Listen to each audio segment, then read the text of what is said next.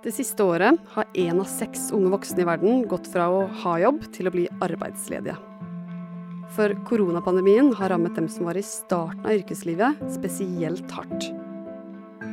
Men når pandemien endelig er over, vil vi likevel sitte igjen med en generasjon som kommer til å tape i lang tid framover? Du hører på Forklart fra Aftenposten. Jeg heter Ina Swann, og i dag er det tirsdag 6. april.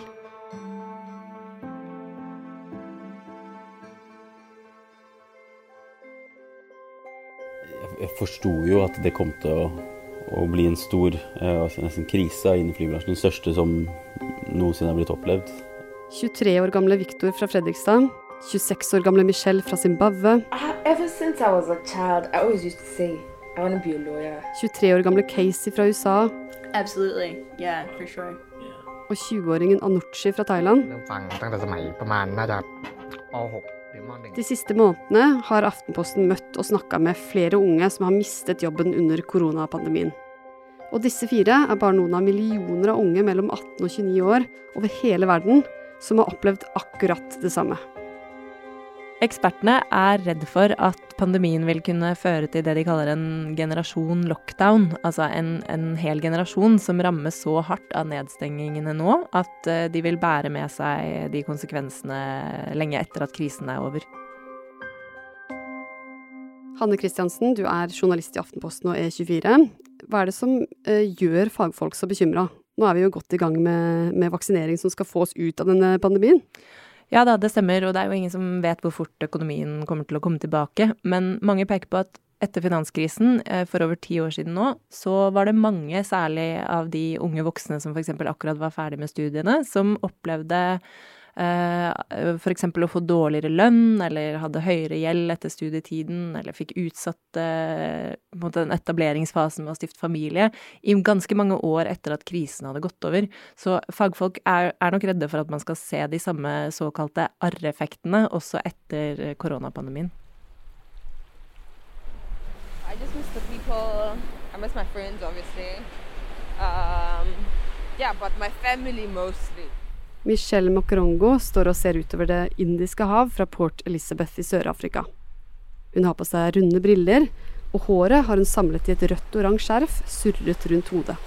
I last saw them at my wedding. That was in April 2019. It's been a while. Yeah. Hun er jusstudent på sisteåret ved et av de beste universitetene i Sør-Afrika. Og helt fra hun var liten og vokste opp i fattige Zimbabwe, har hun drømt om å bli advokat. I, ever since I was a child, I always used to say I want to be a lawyer. So when I chose law, like I always used to see all these law things on TV, and I'd be like, yeah, I'm definitely going to be a lawyer. So that's how I decided, look, I'm going to go and study law. Men familien hadde ikke så mye penger, så Michelle ble det eneste barnet i søskenflokken som fikk ta høyere utdanning. I'm the first person in my family to go to university. For my mom, it was such, it was like an achievement and a half. Like, she was so excited the whole time. From the moment we said Nelson Mandela University, she just got so excited. She's like, plus South Africa is so close. I can just visit. Og nå, for ett år siden, så var tida inne for å levere mastergraden og ta fatt på jobblivet. Men den planen gikk mildt sagt i vasken. Michelle leverte masteroppgaven sin under eh, andre nedstenging i fjor høst, og hun hadde egentlig planen klar. Hun skulle ut og søke traineeships i eh, forskjellige selskaper som driver med det hun har lyst til å spesialisere seg i, nemlig handelsmegling. Og så skulle hun bruke den eh, erfaringen til å finne seg jobb enten i Sør-Afrika eller andre steder på kontinentet. Eh, men nå er de fleste sånne muligheter rett og slett satt på pause.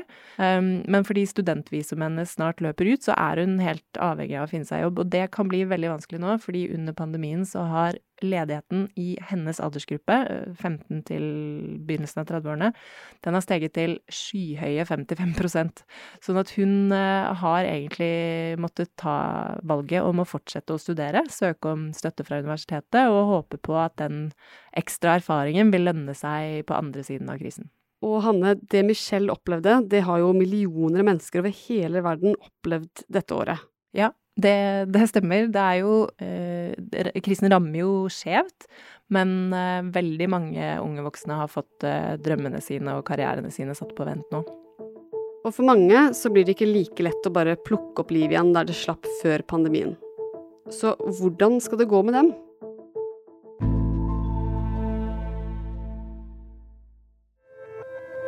Det er vel akkurat den følelsen når du, når du kommer over skyene.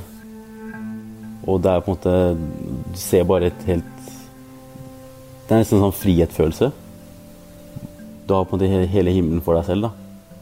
Og så Det er det som er jobben din. Å stirre ut der og, og styre denne blikkboksen da, gjennom, eh, gjennom lufta flere hundre kilometer i timen. Og så lander du på et helt nytt sted og kan oppleve enda flere ting. For 24 år gamle Viktor Martinsen har pilot lenge vært drømmejobben. Eh, alle har vel, de fleste har vel den ideen at eh, nei, det er jo altfor vanskelig.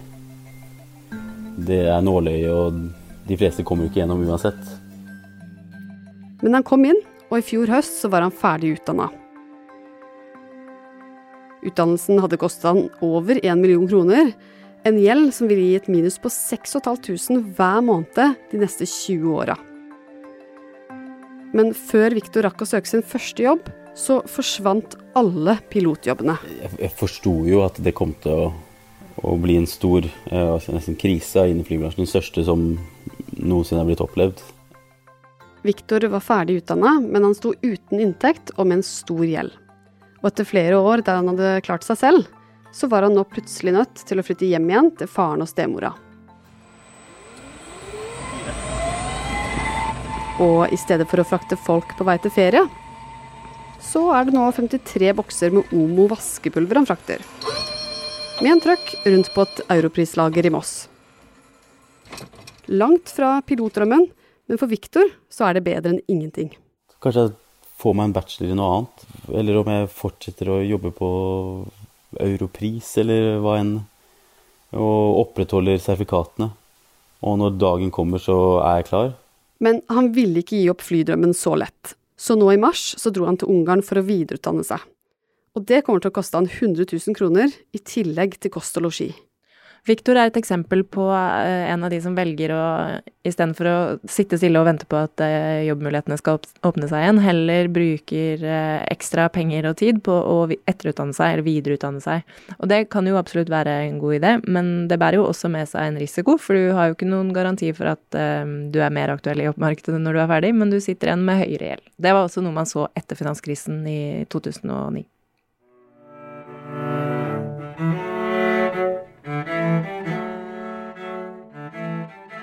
I et kollektiv i New York spiller 23 år gamle Casey Murray musikk som egentlig var ment for store konserthaller.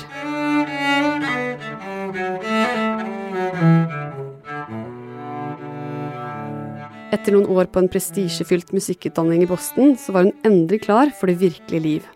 2020 skulle bli hennes år. Kalenderen var fullbooka med plateinnspillinger, konserter og turné i Europa, men før hun rakk å sette seg på flyet med celloen i den ene hånda og bagasjen i den andre, så stengte land etter land ned.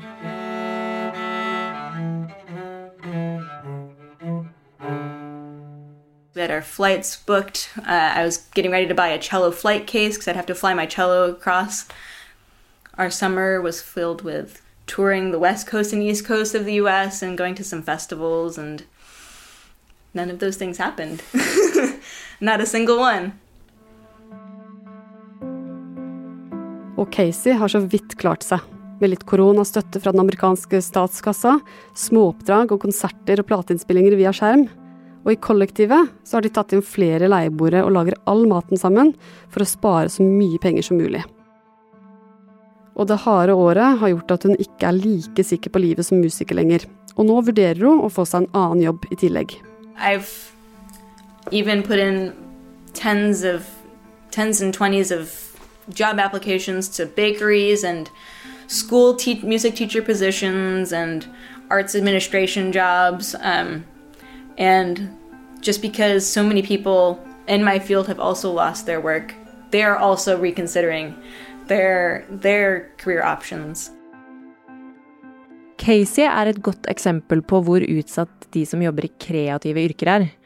Uh, uten publikum så forsvinner jo inntektene til de som lever av å spille konserter, og støtteordningene til disse gruppene er ganske begrenset i mange land.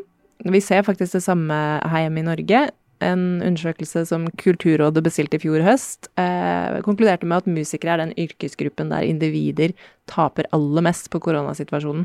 Og det er flere interessegrupper for musikere i Norge som har advart om at eh, nå begynner vi å komme til et punkt der eh, unge musikere ikke ser noe annet valg enn å, enn å hoppe av drømmen og finne seg et yrke som, eh, som vil være sikrere over tid. Da. Det ser vi også at Casey snakker om. Hun, hun vurderer å jobbe som lærer for å sikre seg inntekt i fremtiden. Men ikke alle klarer å holde drømmene i live. Noen har også blitt nødt til å droppe helt ut av studiene. Og blant dem er 20 år gamle Anuchi Buake fra Thailand.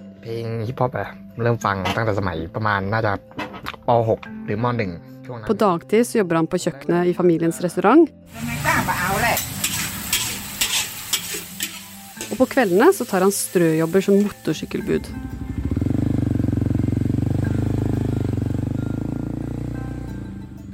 Men sånn var det ikke før. For før pandemien studerte han programmering. Men da koronaen kom, forsvant turistene. Og foreldrene hadde ikke lenger råd til å betale for studiene til Anuchi. Og han måtte rett og slett slutte.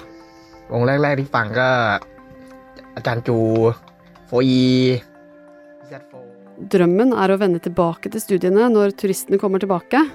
Men når det blir, det er usikkert.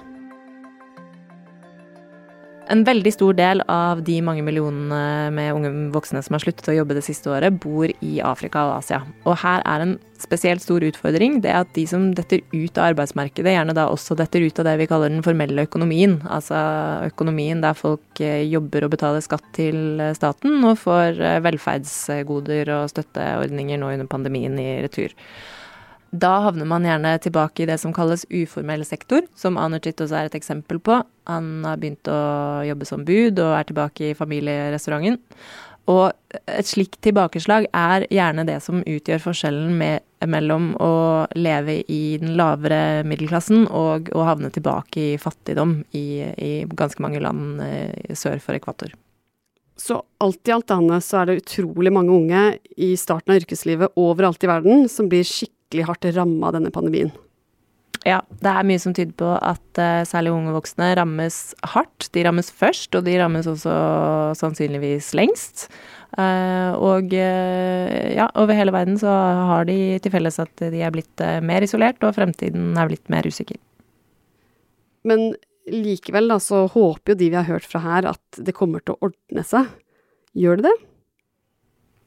Det får man jo håpe. Det gjenstår jo litt å se hvor fort uh, verdensøkonomien uh, kommer seg når uh, land begynner å lette på restriksjonene igjen. Men det er nok en risiko for at man kan få en langvarig effekt der særlig nyutdannede får, har færre jobber å velge mellom, dårligere lønn når de begynner, og kanskje høyere gjeld enn det de så for seg. Og da blir jo sånne milepæler som å stifte familie og kjøpe sin første bolig nødvendigvis også utsatt. Men konsekvensene vil likevel være større for noen enn for andre. For mens norske Viktor har kunnet utdanne seg videre som pilot, har thailandsk Anuchi måttet droppe ut av studiene og jobbe svart. For det å komme seg på beina igjen økonomisk vil være langt vanskeligere i land som Zimbabwe og i Thailand.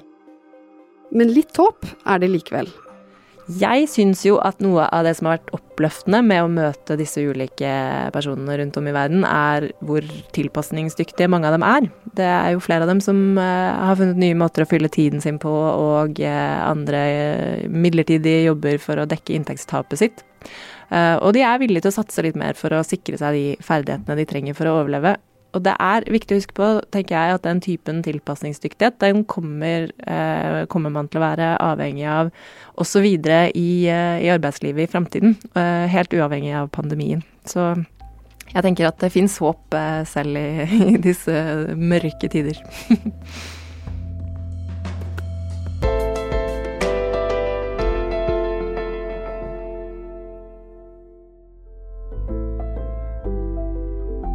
Denne episoden er laget av Anne Lindholm, Marit Erikstad Gjelland og meg, Ina Svaan.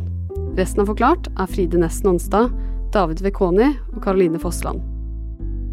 Andre som har bidratt til denne episoden, er Mari Aftret Mørtvedt og Øystein K. Langberg.